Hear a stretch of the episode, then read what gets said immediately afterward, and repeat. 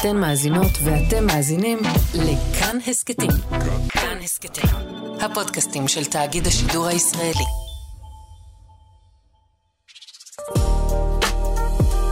הישראלים, עם ז'וז'ו אבוטבול. נגיד שלום לרסול סעדה, אמרתי נכון את השם? אמרת נכון. אתה נולדת בשפרעם למשפחה משכילה, הם פליטי פנים. זה לא הצלחתי להבין, ואני הרבה מאוד שנים בתקשורת. אוקיי. הנושא היה לא מסופר. אז המשפחה שלי במקור מכפר שנקרא מער, מער הוא כפר עקור, היום זה אזור משגב.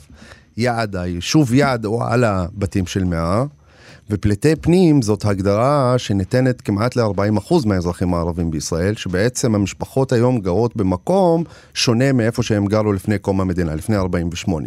אז המשפחה שלי עשתה סיבוב של 25 שנה, תחנה אחת בלבנון עם חזרה.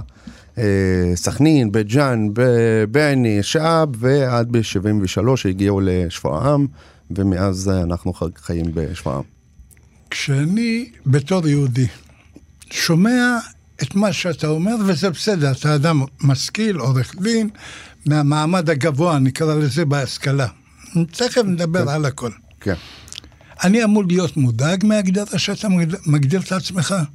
לא, זה אמור רגע לפתוח שאלות של מה המשמעות של זה. שאלנו ואיזה... את השאלות, אז... הגענו לתשובות, אמור להדאיג אותי? לא אמור להדאיג אותך. מה, ש... מה שכן אתה אמור להבין מזה, שבתוך החברה הערבית עצמה, ואמרת 40 אחוז זה לא מעט אנשים, זה מייצר המון המון משמעויות, אגב, לזהות האינדיבידואלית, איך אנחנו מגדירים את עצמנו ורואים את עצמנו, אבל יותר משמעותי, איך אנחנו נעים בתוך המרחב.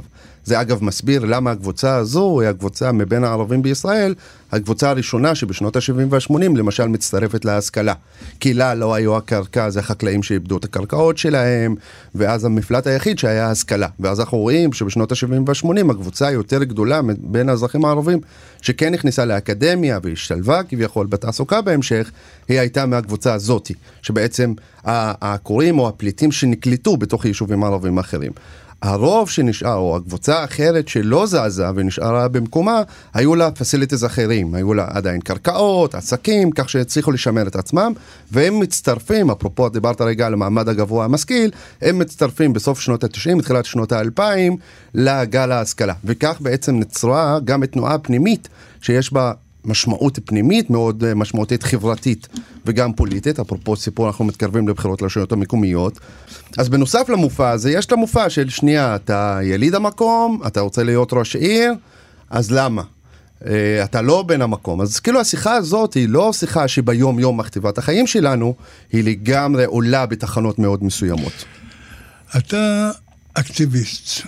זאת אומרת, אתה בא ו... מוחה על הכל, רוצה לפתוח מסלולים חדשים. מה שהיה לא טוב לך. פחות או יותר, בהגדרה גדולה. זה מסוימת של כן, אקטיביזם, כן. כן. מצד שני, ההתמודדות, דיברנו על בחירות מקומיות, הם של חמולות, שזה דבר ממוסד, אנטיקה, ישר. איך הקצוות האלה נפגשים ואיך הם מתמודדים? אז אני, אני מגדיר את עצמי קודם כל כאקטיביסט ממסדי. אקטיביסט ממסדי זה בא ואומר, תקשיב, הסדר הקיים הוא לא טוב. צריך לשנות אותו, אבל אני לא קורא רגע להקריס את המוסדות ואת הדרכים דרכם אנחנו פועלים, אלא לתיקן מתוך המערכות. ובעצם כל מה שעשיתי בחיים שלי, היה איזשהו רגע, נקודת זמן מסוימת שבה עברתי ל- להיות מאקטיביסט ברחוב לאקטיביסט ממסדי. בגדול זה קרה בתקופת האוניברסיטה והצטרפות שלי להתאחדות הסטודנטים הארצית, ומשם למועצה להשכלה גבוהה, להיות נציג של הסטודנטים הערבים שם, ובתוך זה אתה מבין שמתוך המערכת אתה תתחיל לשנות. ולחלק השני של השאלה שלך, הבחירות הרשויות המקומיות. תקשיב, בסוף בסוף המבנה הקהילתי החברתי, אבל יותר חשוב גם מבנה המגורים שלנו, בסוף אני גר גרתי בתל אביב המון המון שנים, עכשיו אני עברתי לגור בחיפה, אבל אם אני מחליט עכשיו לחזור ולגור בשפרעם, אני חוזר לחיכה של המשפחה, וכשאתה בחיכה של המשפחה, לטוב ולרע, אתה מחויב אליה. הדבר הזה מקבל ביטוי ראשון דרך הבחירות, כי בסוף בסוף הרשות המקומית ביישוב הערבי היא עדיין המעסיק הכי גדול, והמשאב הוא, הוא תחרות על המשאבים ותחרות על השליטה. קודם כל המשאבים, זה התעסוקה, זה התכנון, זה הבנייה, זה הכל, וב' זה הסטטוס של כביכול אתה מסמל. ולכן יש מין כאילו אנחנו שואבים רגע מהתרבות המזרחית שלנו, התרבות הערבית, שהמשפחה יש לה, המשפחה המורחבת, בטח המשפחה הגרעינית יש לה ערך מאוד מאוד חזק בחיים שלנו. מבנה המגורים שלנו משמר את זה, וכאשר אנחנו מגיעים לבחירות, אז בעצם אנחנו רוצים לבוא ולהגיד, אז אנחנו רוצים נתח בעוגה הזאת, והנתח של העוגה הזאת הוא כביכול מקבל ביטוי דרך המשפחה סלש החמולה, תלוי באיזה אזור אנחנו מדברים. כשהחברה שסביבה אתה חי, מסתכלת עליך כאקטיביסט, מה היא אומרת? הוא מתנשא, הוא משוויץ, הוא מעלינו, הוא חושב. בוא, בוא נגיד פעם, אה, פעם להיות בכינוי הזה של אקטיביסט הזה שפורץ מחסומים ומתקדם, אנשים היו מסתכלים ואומרים, וואלה, הבחור הזה אמיץ ועושה דברים מעניינים בשבילנו. אני חושב שהיום אה, אקטיביזם מתקשר להמון, לעולם החברתי, והעולם החברתי הפחות סקסי עבור אה, המון מהצעיר, במיוחד הצעירים שמבחינתם רואים את המימוש העצמי שלהם נמצא דרך עולמות הכסף והחומרה וההייטק והמגזר העסקי, ופה אנחנו בוא נגיד זה ככה, הכוכב, הכוכב החברתי כבר, אה, כבר נופל, אני חושב שזה לא קורה רק בחברה הערבית. אז זה היבט אחד. ההיבט השני זה האחריות שאתה לוקח על עצמך כשאתה מכנה את עצמך כאקטיביסט, כי יש לך אחריות כפולה. פעם אחת זה לבוא ולדבר בגובה העיניים לאנשים ולהגיד להם את מה שאתה חושב באמת. ופעם שנייה, אתה חייב, בכדי רגע להתניע איזשהו שינוי, אתה כן צריך להיות שני צעדים קדימה. עכשיו איזשהו מתח שצריך לשמור עליו בתור אקטיביסט. פעם אחת להגיד לאנשים דוגרי מה אתה חושב ומה אתה רוצה לעשות כדי לשכנע אותם. אין אקטיביסט שיכול לפעול לבד.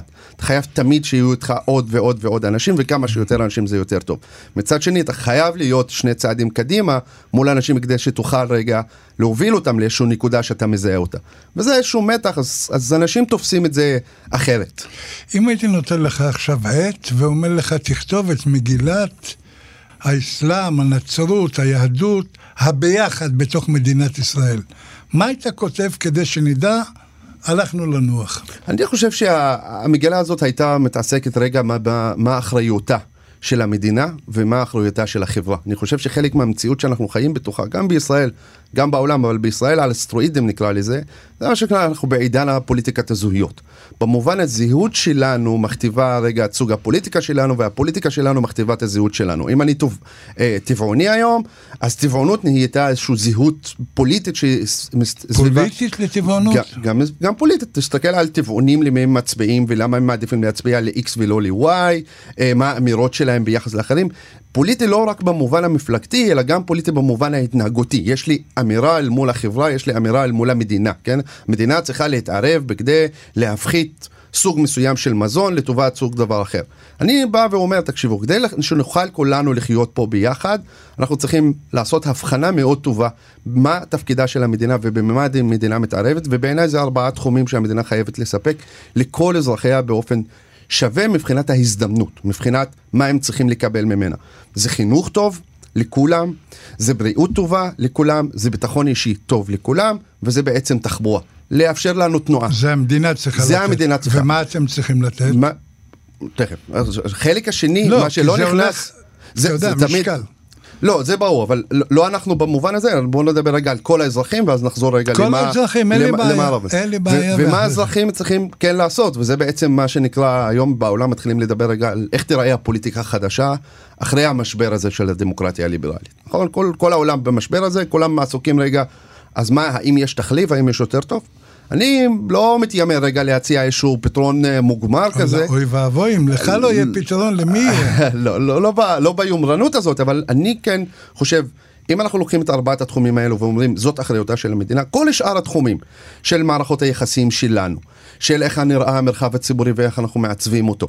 ובין אם זה בשאלות הכי פשוטות של מקום הדת במרחב הציבורי או אין לה מקום, בין אם זה עבודות בשבת ובין אם זה כל המואזן ובין אם זה, אה, לא יודע, המיסה ביום ראשון ואיך היא נראית. זה לא משנה באיזה קבוצה אתה מדבר, זה חייב להיות תוצר של שיח חברתי. מה שנקרא היום, אנחנו הלכנו רחוק רחוק בתהליכי משפטיזציה, אנחנו שואלים רגע את עצמנו מה החוק אומר ומה מערכת המשפט אומרת. אני חושב שזה חלק מהמשבר הגדול שדווקא מדינת ישראל נמצאת בתוכו. ורגע, אבל גם אם ניקח מה החוק אומר, נמצא 30 פרשנויות לאותו סעיף. זאת אומרת, כל אחד נכון. מפרש את החוק כמו שהוא מבין אותו. נכון. זה לא שיש משהו שאין ויכוח עליו. ולכן אנחנו הלכנו כולנו רגע, בכדי לחסוך לעצמנו את זה, לאיזשהו מוסד, הפקדנו את כל האחריות הזאת החברתית שלנו נקרא לה, לאיזשהו מערכת אחת, קוראים לה מערכת המשפט, לא משנה עד שעכשיו איך היא נראית. שעבדה עלינו, גנבה זכויות שלא שלה, אני- ועכשיו רבים ביחד. זה, זה איזשהו פריזמה אחת שאפשר להסתכל עליה, אבל היא מה עשתה? עשתה אובר משפטיזציה, זה אומר כל שאלה, כל דבר קטן, תחשוב, בין שכנים, בין, הקה- בתוך הקהילה, מחוץ לקהילה, נהיה מעמד של אה, מבח- בחינה משפטית, למרות שהמשפט אין לו תשובה להכל. המשפט נותן תשובות לפי מה האזרחים נתנו את התשובות מקודם, נכון? זה החוק שמראש עשינו. בתוך הדבר הזה אנחנו כבר מתבלבלים בין מה תפקידו של החוק ומה תפקידו של מי שמביא את החוק. ולסכם את כל העולם שלנו באיזושהי ייצוגיות מסוימת, שהיא שולטת על מה אנחנו לומדים ואיך אנחנו לומדים, איך אנחנו חיים ואיך אנחנו מנהלים שכנות, איך אנחנו מחלקים את הבניין שלנו, מה, איך נראה המרחב הציבורי הכי קרוב שלנו, בסדר? לא צריך עכשיו להתרחב, לא רק איילון. השכונה כאילו. השכונה, בדיוק. אלו שאלות שחייבות לחזור להיות של החברה, ואז לכל חברה יש את האחריות, אפרופו איך מתרגמים, מה האחריות של הצד השני. אם אתה רוצה חינוך טוב, ואתה רוצה בריאות טובה, ואתה רוצה תחבורה טובה, אז פנים אתה צריך לעשות לא מעט עבודה בכדי לאפשר את זה. לאפשר את זה תכנונית, לאפשר את זה אה, פרקטית, לאפשר את זה בלא להשחית על זה, לאפשר את זה לשמר, לאפשר את זה להכשיר את האנשים הטובים שיעשו את הדברים האלו. כל השרשרת הזאת היא נגזרת מהאחריות שבעצם מחזירים לאזרחים במקום להשאיר בידי המשפטנים. שאלה שהיא בולטת במיוחד במגזר, כשראשי רשויות ערביות, נקרא להם, מאוימים כל הזמן. לא משנה מה הם לא יעשו, תמיד על ידי החמולה היריבה, על ידי ההוא שהיה קודם במכרז הקודם. זאת אומרת, אין שם מנגנון שרץ. אנחנו לפי מה יודעים את זה? לפי תראה כמה רשויות מקומיות, יש שם מועצה קרואה. אין שם משהו שממשיך.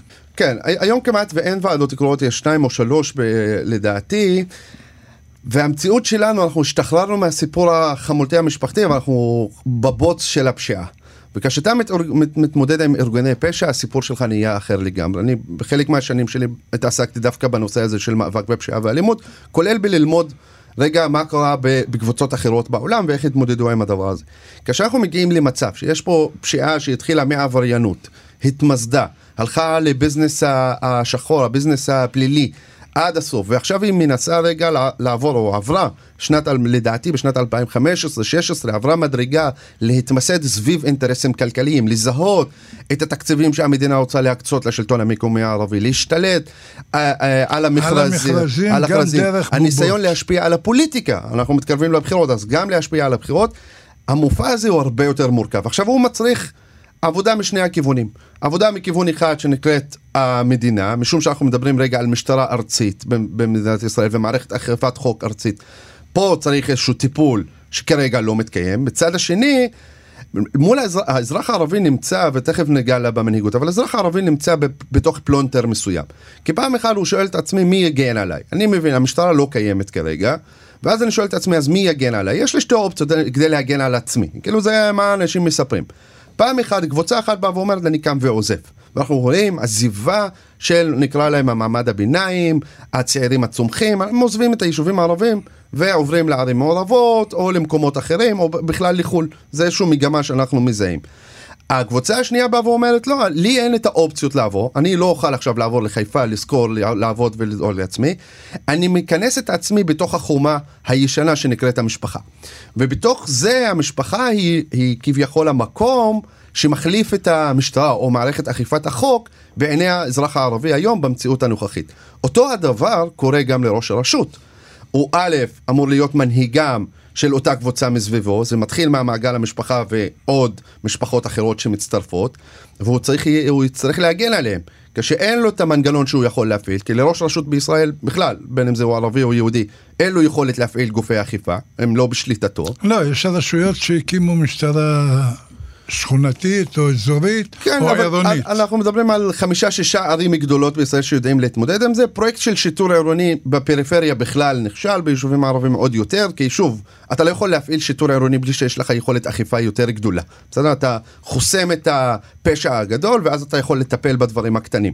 נראה שהדברים הקטנים, דווקא בתוך היישובים הערביים היום, הם בעצמם הפכו להיות פשע חמור, כי על, על סכסוך קטן על חניה אתה יכול להיגמר ברצח. אז היום הייתה כתבה, במקרה היום, לא תיאמנו, שהאנשים פוחדים להתלונן בגלל שהם יודעים שמשפחות הפשע ידעו שהם יתלוננו ואז ייפגעו. זה קרה, זה, זה, מבוסס, זה מבוסס, מבוסס על המון מקרים uh, אמיתיים. הראשון והמובהק בהם זה היה ב-2017 רצח בג'סר א-זרקא של עד מדינה יומיים לפני המשפט ליד תחנת המשטרה. שם זה התחיל, זה איזשהו סיפור גדול, אבל מאז עד היום, אנחנו מדברים רגע על 6-7 שנים שעברו. אנחנו עדים להמון המון המון מקרים של מתלוננים, שבסוף נחשף שהם, שזו המתלונן או העד, או שה-DVR של המצלמה בכלל נלקח ממנו בתוך התיק ואז מתנקמים בו. כל מיני דברים כאלו, בלי, בלי מערך הגנה שהוא, שהוא מאפשר. בין אם זה מחוסר משאבים, בין אם זה שמערך ההגנה הוא לא מותאם למבנה החברתי שאנחנו מדברים עליו, אבל במבחן התוצאה. בתפיסה שלי, ותקן אותי כי אתה המשפטן בינינו, ברגע שמשפחות הפשע היהודיות התחילו להתחבר למשפחות הפשע הערביות, שם נוצר כוח, מכפלה של כוח, ושם מחסום הפחד נעלם בכלל. התהליך ברמת הרצף מחזיר אותנו ל-2003. שלהי 2003 התקבלה החלטת ממשלה בתקופת אריאל שרון, בזמנו, זכרונו לברכה. הוא בא וקיבל החלטת ממשלה שהלישון שלה הייתה ייבוש התשתית הכלכלית של הפשיעה המאורגנת בישראל. אז לא הייתה פשיעה ערבית, אז הייתה פשיעה מזרחית רוסית כזה, כאילו זה הייתה ההגדרות mm.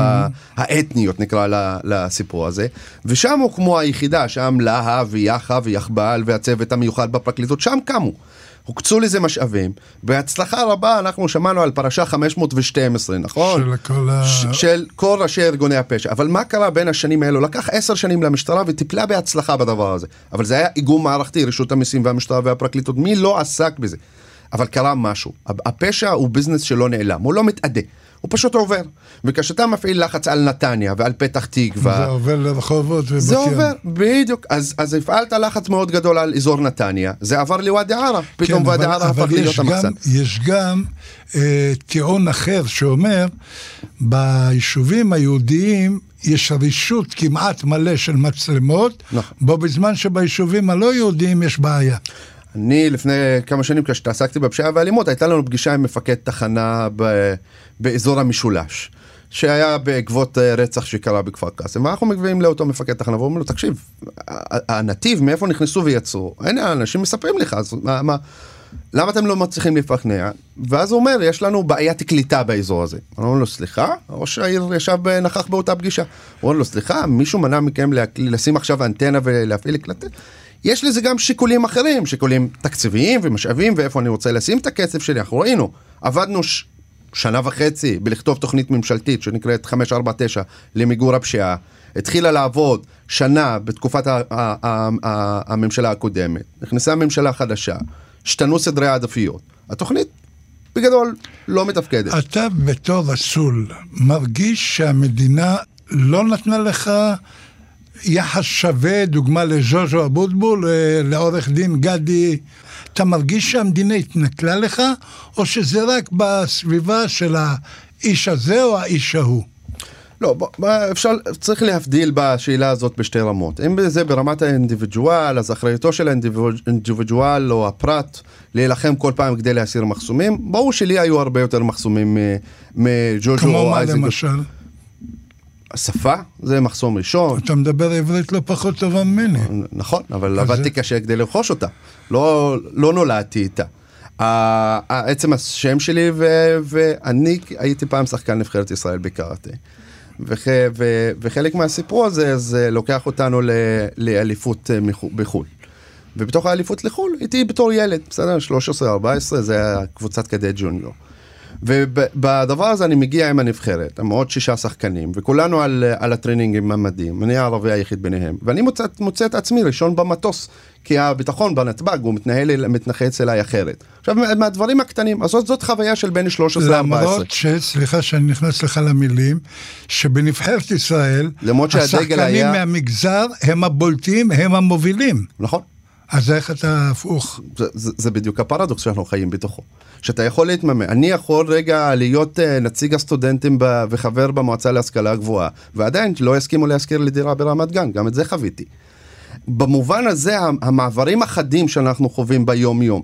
אני הייתי בתפקיד בכיר בארגון שנקרא מעוז, רשת מאוד גדולה של מנהיגות ומנהיגים בישראל, בסדר? כשהייתי נכנס לתוך האקווריום נקרא לו, שנקרא מעוז, אני מלך העולם. אני בתפקידי כללי, לא טיפלתי בערבים, עשיתי את כל הדברים החשובים. כשאני יוצא מהדלת החוצה, אני חוזר להיות ערבי. וזה מעברים חדים, שלא רק רצו לחווה אותם. בואו נסתכל רגע על המאות ומאות ואלפי אנשים שהיום עובדים בשירות הציבורי, שיש להם חוויה דומה. זה ב, ב, נקרא לו במקרו, זה בחוויה הכוללת, שחלקה גם מגיעה על בסיס רגע הזיכרון הקולקטיבי שלנו, שהוא אחר ושונה.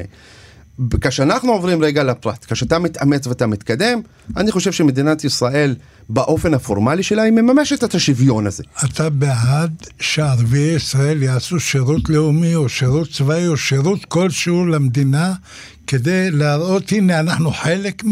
אני בעד שהצעירים הערבים שלנו יהיו באיזשהו מסגרת אחרי שהם מסיימים י"ב, ובעיקר... אתה בורח לי מהתשובה, באיזשהו לא, לא, מסגרת? לא, לא, אני אתן לך תשובה מאוד מדויקת. בדיוק, כי אתה משפטן ואני לא. לא, לא, א', להחזיר, א', הם צריכים להיות באיזושהי מסגרת, כי אני חושב שהפער הגדול בין הצעירים שלנו היום לצעירים יהודים, הוא הסיפור של חוויה, של חוויה שמורכבת משני חלקים. חלק אחד הוא חלק שנקרא משמעות עצמית, או משמעת עצמית, והחלק השני הוא תרבות ארגונית. ואנחנו מפספסים את הדבר הזה, קופצים מהר מדי לאוניברסיטאות ומשם רוצים לעבור. ולכן חייב מסגרת. עכשיו בואו נדבר על, על מה המסגרת הזו. מדינת ישראל פטרה אותנו מגיוס. כי אם הסיפור הזה שהערבים צריכים להתגייס, בואו נתקן גם את החוק ונכניס את כל הערבים עכשיו לצבא. אבל בואו נגיד את זה ככה, גם היהודים, גם הערבים לא רוצים את זה. דנו בזה ב-54, היה גם חבר כנסת ששם את זה על השולחן, בגדול אף אחד לא רוצה. ועכשיו בוא, בוא נדבר רגע, אם אנחנו מדברים על חלופות... אבל אפשר שירות אזרחי, יכול להיות פטרות משירות צבאי, אבל, אבל, אבל עדיין כן. יש הרבה אופציות. 2012, שנה אחרי המחאה החברתית, עלתה עוד מחאה שנקראה שוויון בנטל, נכון? היא עדיין מכתיבה את הסדר יום שלנו עד היום. אבל היא נגד החרדים, לא נגדכם. גם אז, אגב, זה התחיל נגד החרדים, ואז, ואז מישהו, אני הייתי שם בפורום, ואז מישהו אמר, למה רק החרדים? בואו נכניס את הערבים. ואז אמרתי, אחלה, אם פותחים את הזה, אז בואו נדון בזה באמת. ובעומק, בסדר? שנים, שלוש שנים אחרי, 2000, אה, לפני, 2008, הממשלה בפעם הראשונה באה ואומרת שיש שירות לאומי לערבים. זה היה 2008, התחיל קמפיין גדול. אממה, יש לו מכסה. למכסה הזאת יש 4,500. תשאל אותי, האם השירות הלאומי ממלא את המכסה? לא. מעל ומעבר. אה, מעל ומעבר. זה לא יש לו יותר בהמתנה מאשר בזה. יש לו יותר בהמתנה. אבל זאת המכסה. מה גודל קבוצת הגיל אצל הצעירים הערבים? כמעט 80 אלף. זאת אומרת, אתה מתוך 80 אלף נותן 4,500 ואומר להם, אין לי. ואז משתמשים בזה נגדך, אתה לא מגיע. זה פעם אחת. פעם שנייה אני שואל את עצמי, רגע, אותה בחורה, וזה 95% בחורות, אותה בחורה שעברה את השירות הלאומי, איך זה שנה את החיים שלה? היא לא התנדבה בתוך הקהילה, כי אין מוסדות בתוך הקהילה, היא יוצאת משפרעם כדי להתנדב ברמב"ם בחיפה. אבל אני רוצה שהיא תעשה את זה בשפרעם. תחזיר מאיפה שהיא גרה, כי זה יפתח אותה. ב', האם היא עברה איזשהו פיתוח מקצועי שיאפשר לה אחר כך להשתלב? אנחנו רואים בנתונים שזה לא עובד. הם לא. ואז זה 700 שקל. עכשיו, תקשיב, בכל המשוואה הזאת, בכל הנוסחה הזאת, היא נוסחה שלא משתלמת, לא תכנית, במובן, אתה לא עובר איזושהי חוויה שמשנה את החוויה שלך בתור ערבי, וגם לא מקצועית, היא לא איזושהי מקפצה. האם יש אופציה למשהו אחר? יש תוכנית שנכתבה 2012, לכן אמרתי את הדבר הזה. אגב, בתיאום וביוזמה של ועד ראשי הרשויות בזמנו, היום היא על השולחן, ואני אגיד לך, יש שלוש שנים של פיילוט, שכרגע המדינה מאמץ אותם, של מה שנקרא שנת מעבר. זה שנה שהצעירים נכנסים אליה, הם לומדים גם אנגלית וגם מתמטיקה וגם מתכוננים, גם תורמים ועושים חמישה ימים בשבוע בתוך היישוב שלהם. בסדר? בתיאום עם השלטון, עם השלטון המקומי, עם הרשות המקומית. היום התוכנית הזאת אומצה בידי הממשלה, והיא מחכה למפעיל החדש שייכנס. למרות שאנחנו במדינה שהדגל של ההמנון שלה... שום דבר אתה לא יכול להזדהות איתו, כי הוא מדבר על נפש יהודי הומייה ואתה לא יכול לענות להגדרה, או שזכות השיבה היא רק ליהודים ואתה לא עונה להגדרה, ועדיין ועדיין, כשפרצו המאורעות בערים המעורבות נקרא לזה, גילינו את השד שיצא מבפנים, שאף אחד מאיתנו המתורבת, המנומס, לא חשב שהוא קיים. אני תמיד מופתע מאנשים שהופתעו. לא, אני, אני, אגיד, אני אגיד למה. אני חושב, יכול להיות בגלל שאני לא גר ביישוב מעורב. יש מצב, אבל, אבל נגיד את זה ככה, תקשיב, אנחנו חיים במציאות, בכלל הישראלים, כל ארבעת השבטים בישראל, כזה, אני חושב שנאום השבטים של ריבלין אה, בא מכוונות טובות, אבל הוא עשה גם המון, אה, המון עיוותים לכל אחד מהקבוצה. אבל בוא נגיד שבשנות ה-90 התעסקנו מלא מלא בשאלת הישראליות, עד תחילת שנות ה-2000, נכון? רצינו לייצר את ה... מה המשמעות של הישראליות, מה זה הישראלי, איך כולם מתחברים לתוך הדבר הזה. תחילת השנות האלפיים הורדנו את הדבר הזה, עד שהבאנו את הסיפור הזה של השבטים, שאני קורע אותנו עכשיו להכל. עבור הערבים היו שלוש תחנות בהיסטוריה, שהשלוש תחנות האלו אפשרו להם. התחנה הראשונה הייתה שנות ה-70. שנות ה-70 נקבעה הזהות שנקראת ערביי ישראל. מה זה ערבי ישראלי? שעד לפני כמה שנים הוא היה תחת שלטון צבאי, עד 66. ב- ב- בבת אחת הוא הופך להיות אזרח מחזיק תעודת זהות, אבל כל הרצף, ה- נקרא לו הלאומי שלו, נכון? שאר החלקים של העם הערבי הפלסטיני הם תחת כיבוש, הוא נהיה פריבילג. הוא נהיה הקבלן שמביא את הפועלים הפלסטינים של שנות ה-70 ושנות ה-80 לבנות את תל אביב. באותה תקופה אותו ערבי רצה להשתלב, רצה להיכנס, לא הצליח, לא עבד, מכל מיני סיבות, בסדר? השלב הבא זה היה אוקיי, אז אנחנו קבוצה שמנסה לגשר, זה קבוצ, קבוצת אוסלו, ואז אוסלו היו שתי סתירות. סתירה אחת, שם זה היתמות, אנחנו יוצאים ממצב של יתמות. באוסלו בא קודם כל יאסר ערפאת, בא ואמר, הערבים בישראל הם עניין פנים ישראלי. ומבחינתך בא ואומר, שנייה, אז אוקיי, אז אני כבר לא פלסטיני. מישהו בא ואומר לי, אתה לא שייך אלינו. אחלה. אז זאת הייתה סתירה, אבל עדיין אפשר לחיות איתה. ואז אתה אומר, אני גוש חוסם לרבין. כבוד- כבוד- אני רק מופתע כל פעם שהדיון הזה, אני עכשיו מלווה גם אה, אה, מנהלי בתי ספר, מפקחים וכולי. וכל פעם שאנחנו מפתחים שיחיית זהות, אנחנו חוזרים לאוסלו. ואני מבין כמה הדבר הזה, ש... או בעצם רצח רבין יותר מדויק, הוא צלקת פתוחה שהערבים לא איבדו, גם לא היה להם מקום באבל שלה. אבל אנחנו חוזרים לנקודה הזאת, זאת הייתה הסתירה השנייה. ושם התבסס מין תודעה כזאת של אנחנו יתומי אב ואם. אבל למה? בהפגנות שלכם אתם לא יתומים, אתם מניפים את דגלי פלסטין, אש"ף נקרא לזה, זה לא או אש"ף, זה פלסטין. אוקיי. פלסטין, אש"ף, הרשות, מה שאתה רוצה, שאתה בכלל לא יתום, אתה אומר לי, שמע ז'וז'ו, אני גר איתך, אבל אני עדיין שואף לא, לעצמאות אני, שלי. אני חושב בשביל, בשביל צדק בשביל היסטורי, ההגינות. לא, גם ההגינות צריך לבוא ולהגיד גם מה המצעים הפוליטיים של הערבים אזרחי מדינת ישראל משנות ה-80 עד היום, כולל אלו שנמצאים בכנסת, כולל אלו שהם מחוץ לכנסת.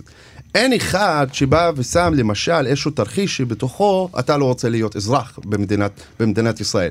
ואפרופו לפתיחת השאלה שלך, של ההמנון, דגל וכולי, אני חושב שהמאבק שלנו הוא לא על סימבוליקה. במובן, הסכסוך הזה הוא בין שתי תנועות לאומיות. כל סכסוך בעולם יש בו קבוצות מיעוט לאומי בקרב הקבוצה השנייה, ולכן אני לא אבוא ואדרוש רגע שהסמלים של המדינה היהודית או מדינת ישראל, שכמימוש של הזכות ההגדרה העצמית של היהודים, אני רוצה לשנות אותם. אממה, אני כן אדרוש שאין עדיפות ליהודי בתוך מדינת ישראל, בתור אזרח, עליי. לא בהקצאת הקרקע, לא בהקצאת המשאבים, לא בפוטנציאל שלו. אגב, גם מי שיבחר ללכת לביטחון ולצבא ולשרת, ויש כאלו לא מעט, נכון? מתנדבים. לחלוטין. גם הם לא, לא מממשים את הזכות השוויונית שלהם. לא, הם אה, במובנים מסוימים, בואו כן, נסתכל כן. על המספרים, ואנחנו נבין שלא. יש חלוקה שכשאנחנו מדברים מגזר ערבי, דרוזים, צ'רקסים, נוצרים, מוסלמים, כל דבר הוא שונה, לכל דבר היא קבוצת התייחסות מצד המדינה שונה אני, לחלוטין. אני אומר, גם אלו שהלכו על הסוף, ניקח את הדרוזים כדוגמה, ואני אני כאילו גדלתי בשפרעם ולמדתי בבית ספר דרוזי. גם הדרוזים בעצמם. החבר'ה הכי טובים שהיו בכיתה, ואני הייתי בכיתת פיזיקה מחשבים, מה הם סיימו בצבא? תלוי, יש לנו מאלוף משנה עד אלוף, ויש לנו אז- טייס ראשון, יפה. יש לנו, זאת אומרת, יש התקדמות, החבר'ה לא מתגייסים. מאז 54 ואנחנו יודעים להגיד טייס ראשון. כן, אבל גם מרוקאי לא היה עדיין, בוא, שתבין. מרוקאי היה לא רמטכ"לי כבר. לא, לא, לא היה רמטכ"ל, אבל לא חשוב. אוקיי. אה, שאול מופז לא מרוקאי, פרסי. אבל מה אני רוצה להגיד לך? יש דברים של התפתחות אה, חברתית. בכל מקרה, היה נעים, היה כיף, היה מעניין, זורם, שוטף. רסול סעדה, תודה שהיית איתנו. תודה לך, תבורך. המון בהצלחה. היה כיף. תודה. תודה לך.